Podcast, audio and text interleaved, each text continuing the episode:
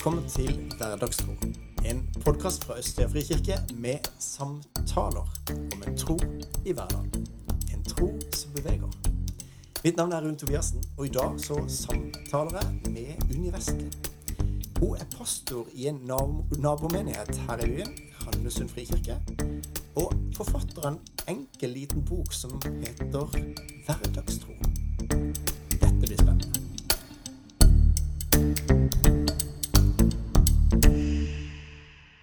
Du kan få kjærlighet av meg. Ordene tilhørte en liten jente som gikk forbi meg på gata sammen med en venninne. Venninna hang med hodet og var ganske molefonken. De hadde tydeligvis vært på et arrangement der den ene hadde vunnet en premie i form av en godtepose, og den andre hadde ikke fått noen ting. Og så proklamerer altså den heldige vinneren at hun vil dele på godene. Hun vil gi venninna en kjærlighet på pinne. Jeg så hvordan ansiktet til den molefunkne jenta endra seg og lyste opp i et stort smil. Hun kunne få del i godsakene, selv om hun ikke hadde vunnet. Noen ganger kjenner vi oss som den lille jenta, som ikke hadde vunnet noen ting. Livet har snudd vrangsida til, og det kjennes som om vi ikke har trukket noe vinnerlodd i livets lotteri. I slike stunder hjelper det ikke alltid å tenke positivt, eller forsøke å se på alt det gode som vi tross alt har. Det vi trenger, er noen som bruker ordene til den glade jenta, noen som sier Du kan få kjærlighet av meg. Gud har sagt disse orda til oss alle, ikke bare til den som er verdig, den som fortjener det. Hver eneste dag sier han til ethvert menneske, Du kan få kjærlighet av meg. Jeg elsker deg uforbeholdent, evig. Du er min. Så fantastisk start på denne podkastepisoden med deg, Unni Vestli. Så hyggelig. Veldig hyggelig å være her. Og så må jeg, jo si det at det, når du leser opp tekster altså jo, Du kunne jo hørt en hel evighet på det. Så jeg ville gjerne at vi skulle starte på denne podkastepisoden med at du leste høyt fra boka di. Gratulerer med ny bok. Jo, takk for det. Din første bok? Det er min første bok. Skrekkelig morsomt. Skrekkelig morsomt, rett og slett. Men utrolig fint med disse enkle historiene. Jeg har fått lov til å lese en del av de historiene, og um, har ikke kommet gjennom hele ennå. Men, men det, det, fascinerer meg litt. Det som er litt gøy, da, er at du faktisk skrev en bok som heter Hverdagstro, samtidig som vi hadde starta podkasten Hverdagstro. Og da var det jo litt stas å ha deg på besøk i podkasten, da.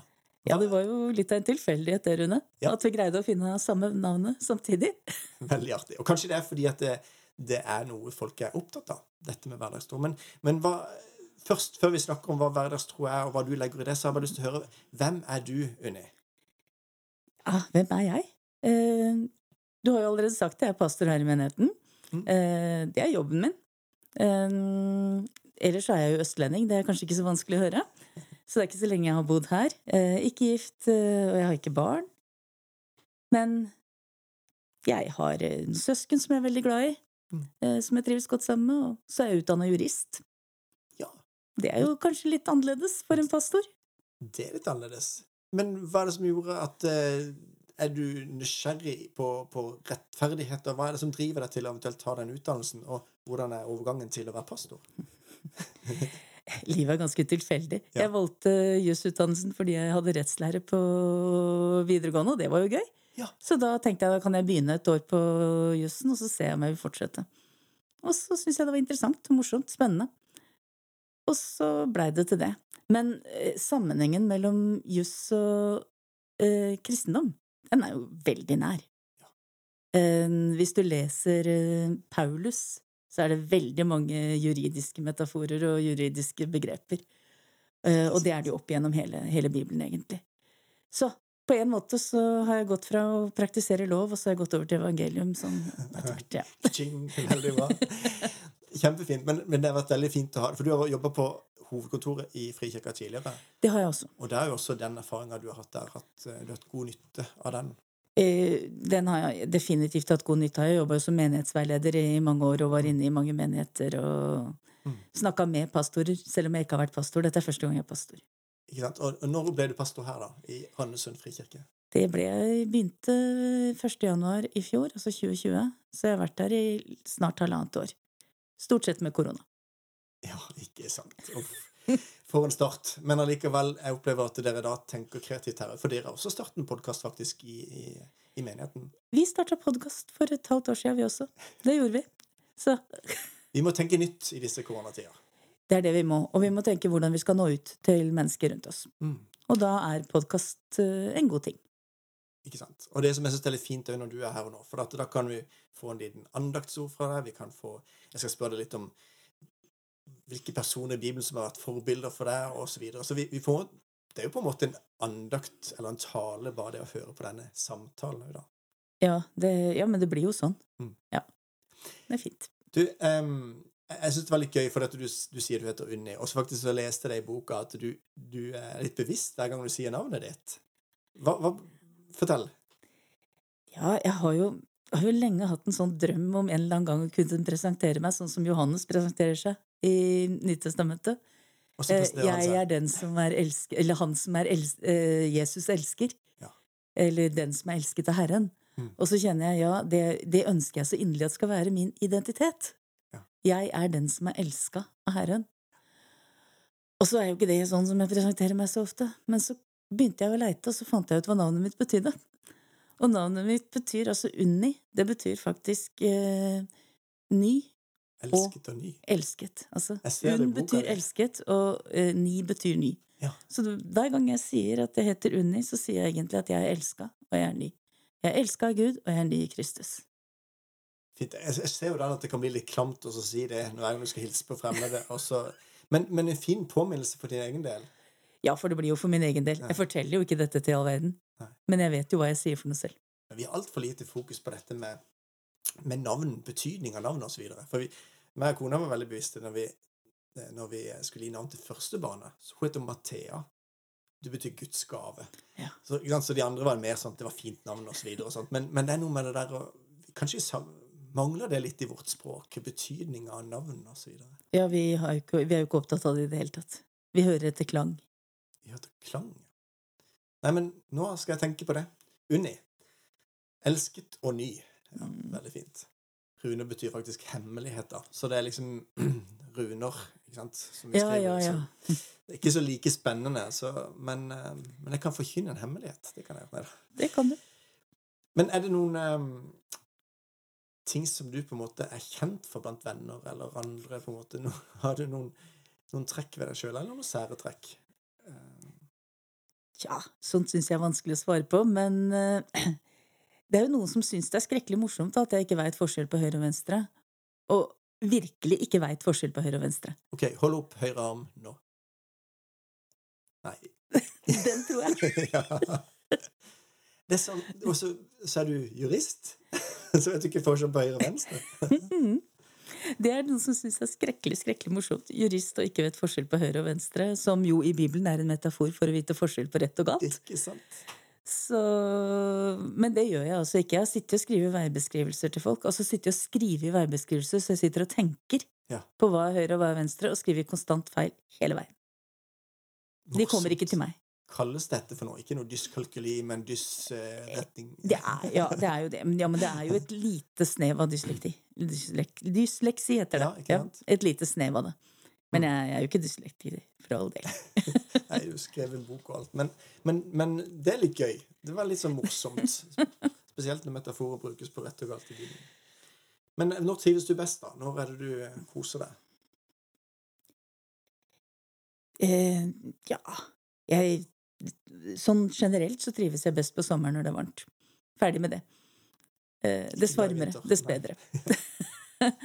La meg slippe høst og vinter, så er jeg fornøyd. Eh, glad i å være ute. Eh, liker å gå. Jeg er ikke noe sånn supersprek, så jeg går ikke langt, og jeg går ikke fort. Men hvis jeg kan gå meg en tur ut og finne meg en fin benk eh, i en park eller i skogen et eller annet sted, og få lov til å sitte der med en god bok og en matpakke, da kan jeg ha en vidunderlig dag, rett og slett. Så fint. Um, hvorfor er du kristen? Jeg vokste opp i et kristent hjem, og det tror jeg faktisk er eh, jeg, Det høres veldig rart ut, men sånn eh, Hvis jeg tenker sånn basically på det, Mm. så tenker jeg ja, det har forferdelig mye å si for at jeg er en kristen. Fordi jeg da lærte eh, lærte om Jesus, lærte kristen tro fra jeg var liten. Eh, og så er det jo klart det at du, du tar noen valg sjøl Mm. etter hvert som du blir voksen. Eh, så jeg lever ikke bare som en kristen fordi mine foreldre var en kristen nå, Mm. men jeg tror det er en viktig begrunnelse for at jeg er en kristen fortsatt. At jeg, at jeg vokste opp med kristne foreldre. Og så har jeg jo eh, etter hvert sjøl eh, fått en erfaring med at det finnes en gud. Eh, den gud jeg kjenner, er den gud jeg leser om i Bibelen. En kjærlig gud, en gud som er en skaper, en gud som elsker meg. Eh, og den personlige relasjonen som, jobb, eh, som, som jo finnes der. Så fint. Men, men faktisk, da Dette med sant, Det er jo en grunn til at du ble introdusert i kristen tro. Dette at du vokste opp i et kristent hjem. Og så har du tatt ditt eget valg sjøl. Ja. Men det har jo betydning, det at man ser at troa betyr noe for foreldrene også. At man på en måte ser at det, Altså tro i hjemmet, at det kan være med å prege barna. Mye. Mm. Veldig mye.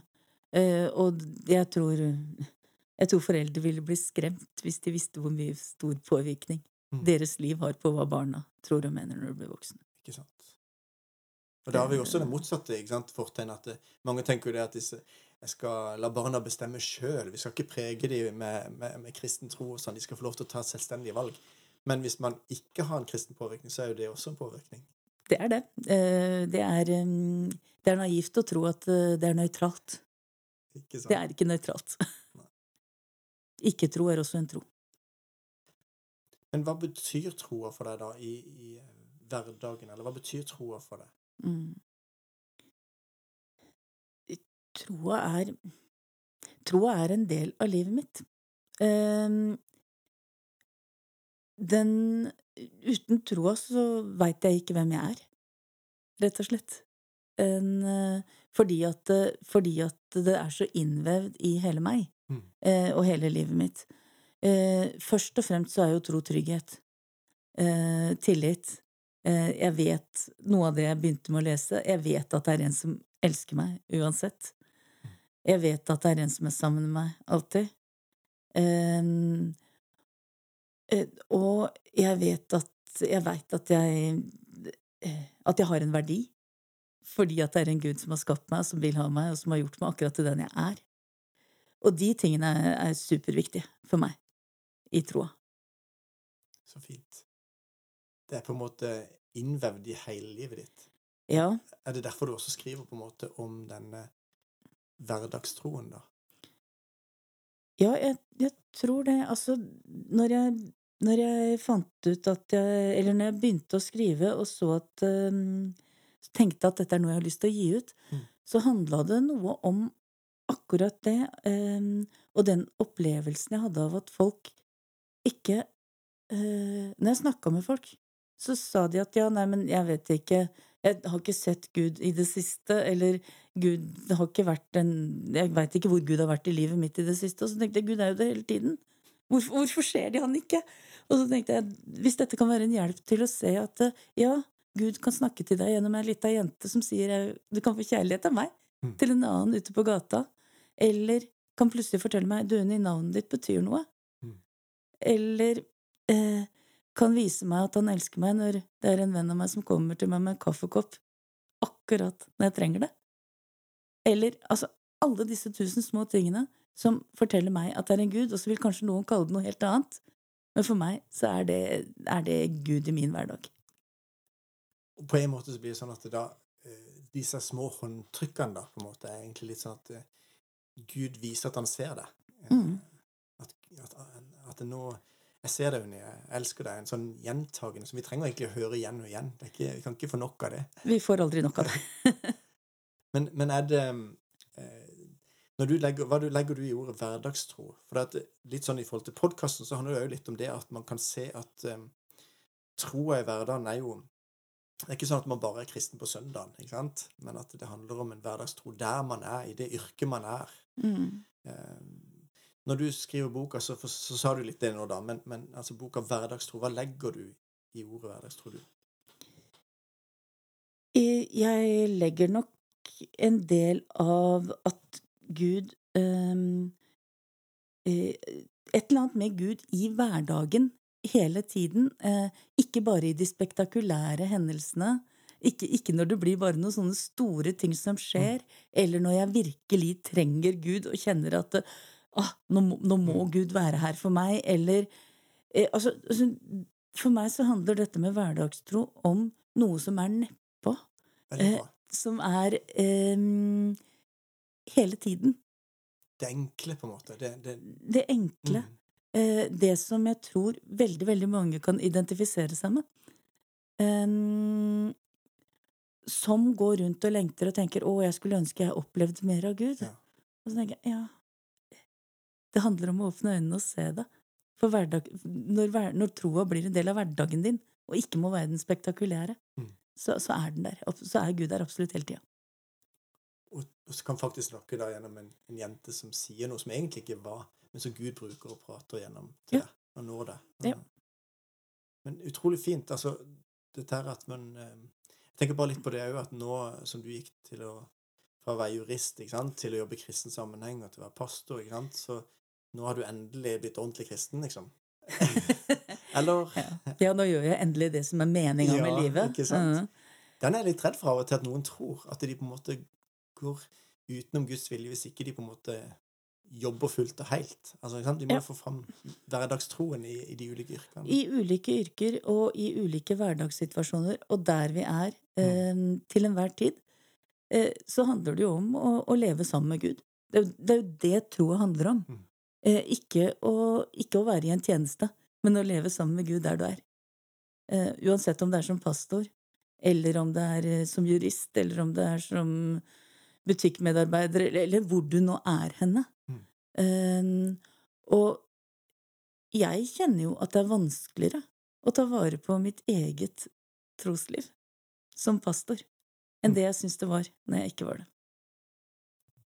Det er veldig interessant. Hvordan tror du det hadde sett ut, eh, livet ditt, som, som jurist, som, som kristen jurist? Har du tenkt på det? Dette med sånn, det å se liksom Det har vært så gøy å sette av og til livet hvis man måtte, hadde valgt det andre, ikke sant? Mm. Jeg vet ikke nå Nei, det har jeg faktisk aldri tenkt på Nei. eh, på den måten. Jeg merker bare det når jeg tok skritt og slutta på Handelshøyskolen og skulle ikke være siviløkonom, Mm. så har jeg liksom ekstra hjerte for å heie på kristne siviløkonomer, så at de kan være kristne der de er, siden jeg pingla ut. ikke sant?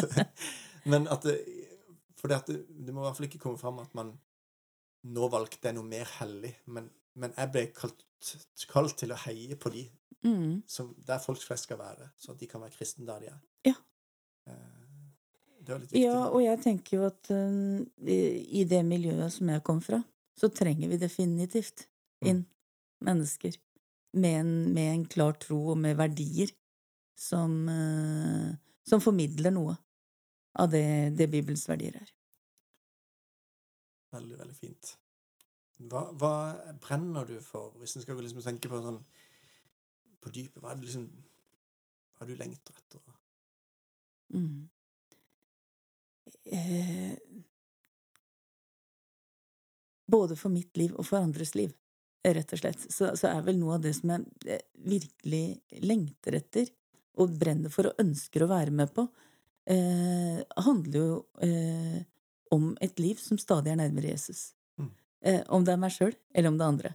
Det å kunne gjøre ting som fører folk nærmere Jesus, eh, som hjelper de til å gå det bitte lille skrittet tettere inntil han og hans vilje. Og det kan være uansett eh, hvor, man, hvor man befinner seg på en, på en skala nær eller langt borte fra. Eh, så, så er, har ikke det noe å si. Men hvis jeg kan være med å gå det knøttligere skrittet som fører noen et lite skritt nærmere Jesus, så, så får livet mitt mening. Så fint. Og det, det er jo gøy at du da er pastor og, og nettopp kan gjøre dette på en konkret måte. Det- Også gjennom å være forfatter eh, nå.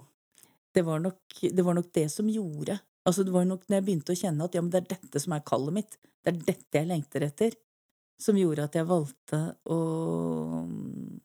å bli pastor. Jeg skjønte at uh, det, er jo, det er jo da jeg virkelig kan gjøre det. Hvis du skal tenke um, et eh, forbilde i Bibelen, eller en bibelsk person, eller hvis det er noen som Eller et bibelvers et eller annet som har berørt deg, som har Har du noe um, som du har lyst til å dele med, med oss der? Ja. Jeg er en sånn eh, Jeg må alltid ha prosjekter på ting jeg gjør. Jeg må, jeg må gjøre et eller annet ut av noe for å, for å Ja. Eh, Så nå har jeg et prosjekt som jeg kaller Bibelske bipersoner. For meg sjøl. Bibi. Bibelske bipersoner? Ja. Og de er det mange av. Det er så ekstremt mange. Eh, men altså persongalleriet i Bibelen er enormt stort. Mm. Og så finnes det så mange som er nevnt i ett kapittel, Mm. eller i noen få vers, eller kanskje bare i ett vers, eh, som gjør et eller annet eh, i en bestemt situasjon, eh, der og da, som forteller meg at oi, dette var mennesker som frykta Gud. De levde, de levde et hverdagsliv eh, i det som de var, akkurat det vi har snakka om nå. Altså inn i yrkene sine, inn i der hvor de var i livet. Og så kommer de til et punkt, og så er de akkurat på det punktet, så, så, så skjer det noe som viser at ja, de følger Gud. Så to av de som jeg er blitt veldig glad i, heter altså Pua og Shifa. Pua Shifa. Ja, De kjenner du til, gjør du ikke det? Jo, disse jordmødrene i, Se der. Ja, i eh, Egypten. Ja. Ja. Men, men, men fascinerende, da, for det er på en måte det er liksom ikke disse eh, store kjendisene, men det er liksom B-kjendisene. Litt sånn at det, De kommer ikke helt tydelig fram, men de er utrolig viktige å trekke fram. Fordi at livet mitt er stort sett ikke sånn som Peters eller Paulus sitt. Eh, jeg, kan ikke sammenligne meg med de. Eller Moses. Eller Ikke sant? Eh. Men disse jordmødrene i Egypt, de kan jeg identifisere meg med.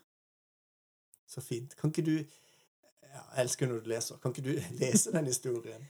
Jo, den står i annen Mosebok, øh, i første kapittelet der. Og der står det Kongen i Egypt sa til hebreernes jordmødre. Den ene het Shifra, og den andre het Pua.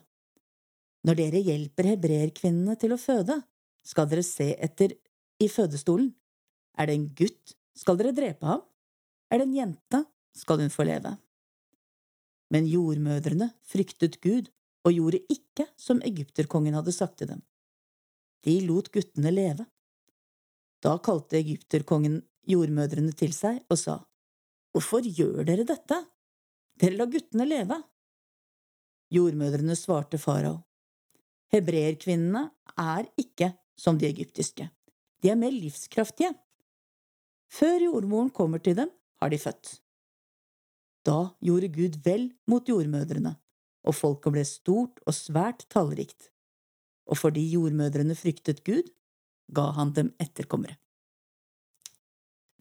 Så her er det noen personer som, som i sin hverdagstro frykter Gud. Og så jobb, hadde de yrket sitt? De var jordmødre.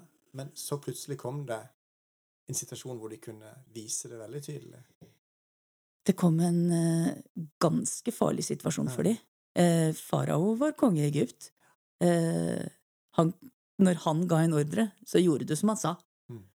Og så eh, vil han altså stoppe dette hebreerfolket å vokse. Og så gjør de ikke som han sier, altså. De sier nei, Gud er viktigere for oss. Takk for at du løfter fram disse egentlig på en måte usynlige personene. Det er noen som har eh, på en måte syns det har vært litt sånn eh, kjedelig å lese oppramsinger av navn, eksempel, i Det gamle testamentet. ikke sant? Man har de der lange listene, for eksempel ettertavler og sånn. Men en ting som har fascinert meg veldig, det er eksempel når det står alle som jobber på tempelet, og den sto ved siden av den på muren, eksempel, når de bygde den. Så sto den ved siden av den, så sto ved siden av den. Og det, det er så utrolig gøy at de blir nevnt med navn. De blir nevnt med navn. Det jeg huska. De husker, Eh, det er som en årsmelding. Sånn en, av og til så har jeg lurt på det, skal vi skrive ned alle som har vært i menigheten og jobba det siste året. liksom. Det blir som masse navn. Men mm. det er litt kult at det er jo på en måte som en slags årsmelding, det som står i Bibelen også, da. Det er det, og det er veldig fascinerende. Jeg var veldig glad i disse slektslistene da jeg var barn. Ja, Søsteren min leste Bibelen for meg. Jeg likte det veldig godt hvis du leste de. ja det, er jo, det er jo kanskje vi litt sære, men Men det er jo det å trekke fram disse personene som er liksom B-kjendiser, eller kanskje D-kjendiser, som ikke nesten nevnes. Men Mm. nå bare slo det meg i forhold til at, um, at uh, hvor alt var evangelisk blir forkynt, så skal minne om uh, Det er jo en samme historie. Det er en sånn type historie. Der er det en som eh, egentlig blir sett ned på, Mm. og som løftes opp, og så sier hun Hun skal vi huske. Denne kvinnen som salva føttene til Jesus. Veldig, veldig fint. Um, jeg syns det var litt gøy at du den, den, den drømmen du har etter å løfte fram og finne den enkle troa, eh, og oppfordrer oss, oppmuntrer oss som lesere eller i menighets Du heier på det, og så på en måte trekker du fram det samme fra bibelske personer. Det syns jeg var veldig gøy. Takk for det. Eh, hvordan er det du på en måte opplever at det nå har du sagt det i hverdagen, at Gud på en måte taler til deg. ikke sant? Også, men, men hvis du skal være sammen med Gud, på en måte, hvor, hvor er dere liksom Har du det fint, eller hvor er du skikkelig på nett med Gud? Mm. Ja, eh, jeg er jo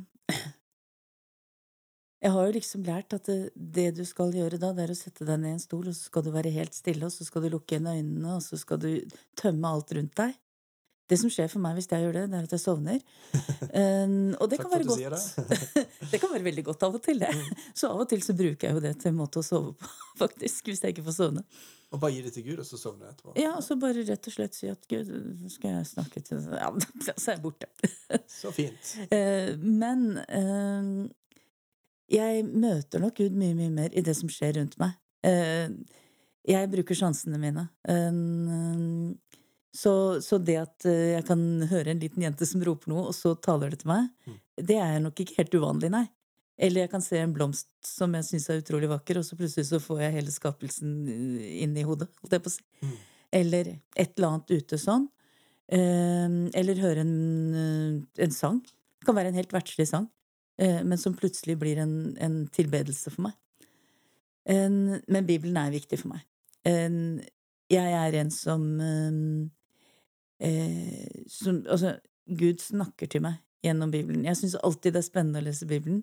Eh, jeg har lest den gjennom flere ganger. Det er alltid noe nytt. Eh, og det, det er nok der Gud taler til meg. Så, så jeg tenker jo litt sånn at ja, jeg leser Bibelen, jeg åpner opp, jeg lar Gud tale til meg. Jeg går ut i hverdagen, jeg møter mennesker som minner meg på noe av det jeg har lest, Mm. og som gir liv til det jeg har lest. Eh, og som jeg kan, kan bygge videre på, og fundere videre på. Og få til å bli Gi mening for meg, da. Så selv om du har lest gjennom Bibelen mange ganger, så er det noe med at det, noen ganger så løfter noe seg opp fra Bibelen og sier noe konkret inn i situasjonen likevel.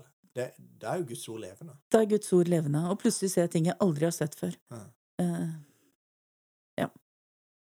Så fint. Er det eh, lovsang, for eksempel?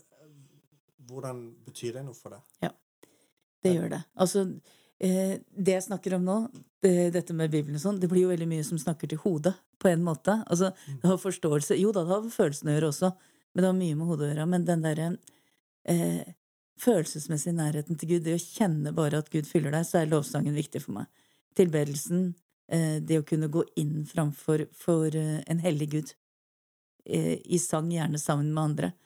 Eller helst sammen med andre. Gjerne i en stor gruppe. Altså, da kan jeg gjerne være en del bare av den store tilbedelsen, og samtidig bli helt alene. Mm. Hvor det bare er Gud og meg. Det er så fint det der kollektivet, det at man da òg samtidig er sammen, og likevel enkeltvis. Ja, det er noe, det er noe nydelig i det, rett og slett. Um, og, så, og så blir du litt borte i den store gruppa, Mm. uh, og så ser Gud deg allikevel. Fint. Hvordan kan, eh, hvordan kan vi bety en forskjell for vår by, for vår, vårt nærmiljø? Nå har du fått en ny by som på en måte er din, der du er satt, på en måte. Mm. Kristiansand. Hva, hva kan du bety en forskjell der, eller hvordan kan vi gjøre det? Jeg tenker at hvis vi begynner å leve i pakt med det vi tror på, Mm. Og hvis vi begynner å tenke at vi er Guds hender og føtter, vi skal bringe Guds rike ut til nærmiljøet vårt, til naboene våre, gjennom kjærlighet, gjennom barmhjertighet, gjennom vennlighet, gjennom godhet, gjennom eh, leve ut disse tingene som Bibelen snakker om at vi skal være og gjøre, så tror jeg at det vil utgjøre en forskjell. Jeg tror at det er det som virkelig vil utgjøre forskjellen. Mm. Eh, og så er det definitivt noen som er kalt til eh, eh, politikk, til å stå på barrikader, til å eh, fremme standpunkter. Eh, og så er de fleste av oss ikke det. En, og de fleste av oss er, er kalt til å leve nettopp dette hverdagstrolivet. Mm. Eh, der hvor vi er, med eh, Med Gudsrikets verdier i oss Mm. når vi møter folk. Da tror jeg vi utgjør en forskjell. Jeg tror vi kan forandre samfunnet. Hvis, eh, hvis alle som går i menigheten i Kristiansand, begynner å gjøre det i sine hverdager, Mm. så tror jeg vi får en annen by. Og det er ganske mange kristne i Kristiansand. Vi er i en spesiell situasjon her. Det er skrekkelig mange her. Mm. Men hvis vi Ikke bare da- skrekkelig, veldig fint mange. Men hvis vi bare hadde våkna opp til å på en måte leve det livet der vi er, så kunne vi kanskje vært mer prega mer. Ja, og på en måte tenke at det å leve som en kristen ikke handler om først og fremst å gå i kirka og på bønnemøter og være med i Barneforeningen og eh, hva, hva man nå driver på med av aktiviteter, Mm. men at det å, det å leve med Jesus handler om hvordan jeg lever livet mitt eh, i hverdagen min, eh, hvilke valg jeg tar, eh, hvordan jeg møter kollegaene mine, hvordan jeg møter naboene mine. Mm. En, eh, hvordan jeg opptrer på velmøte, velforeningens møte. Mm.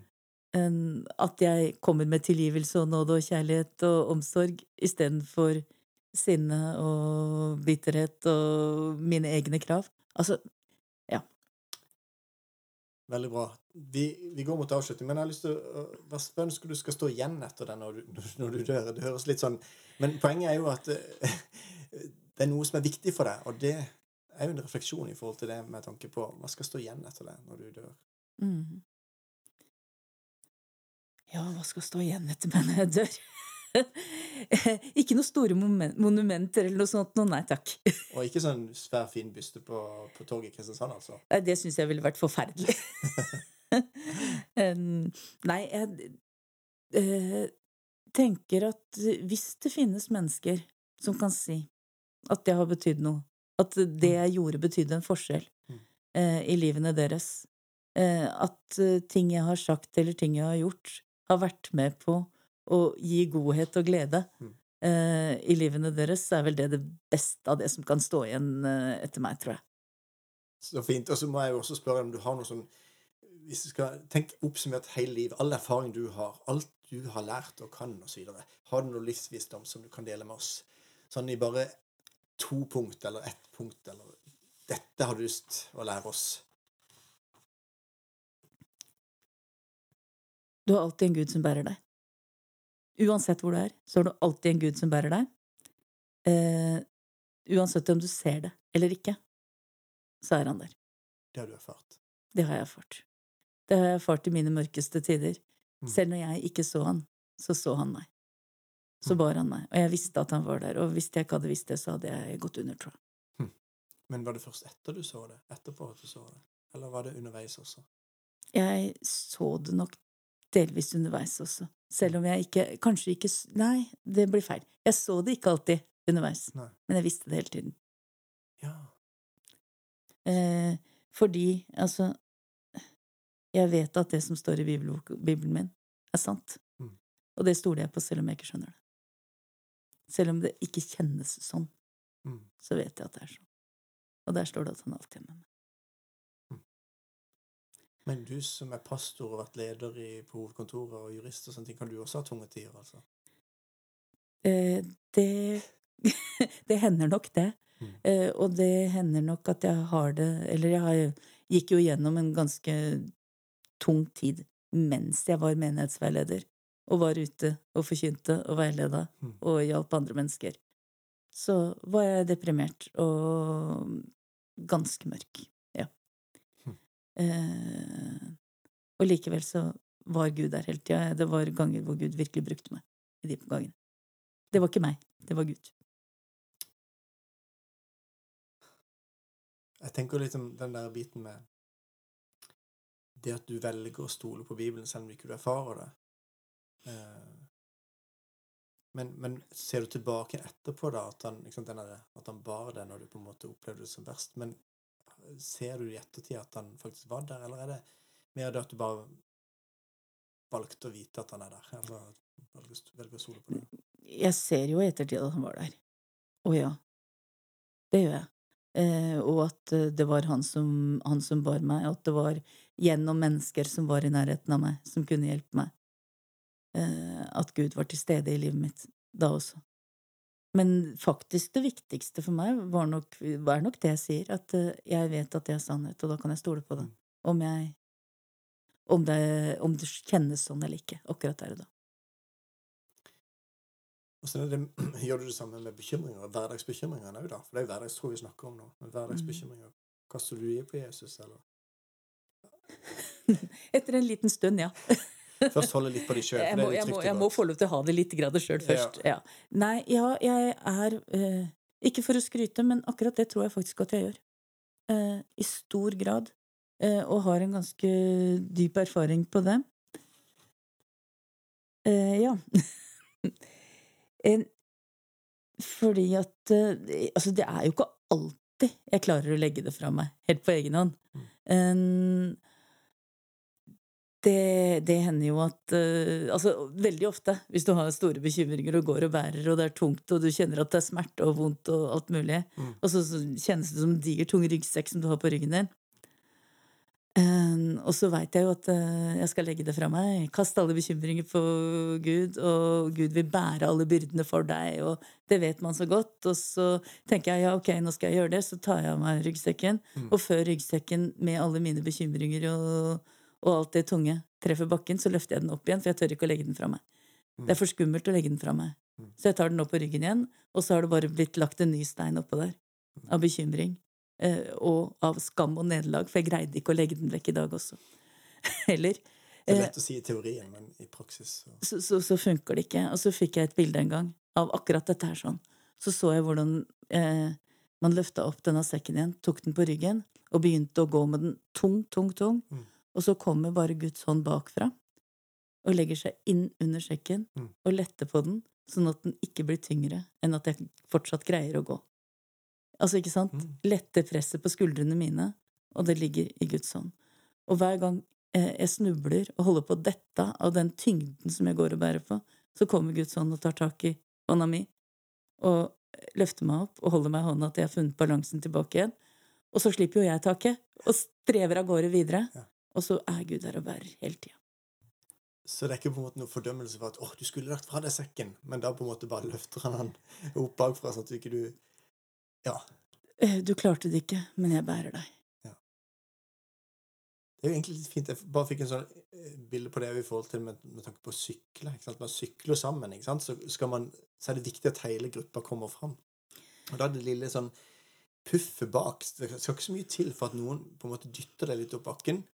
Og så, så kommer du opp, og så tror du du klarer det sjøl, for du gjør jo mesteparten sjøl, men du får det der lille pushet. Lille pushet Ja. som gjør at du faktisk eh, greier å holde deg på beina. Eller komme deg opp bakken.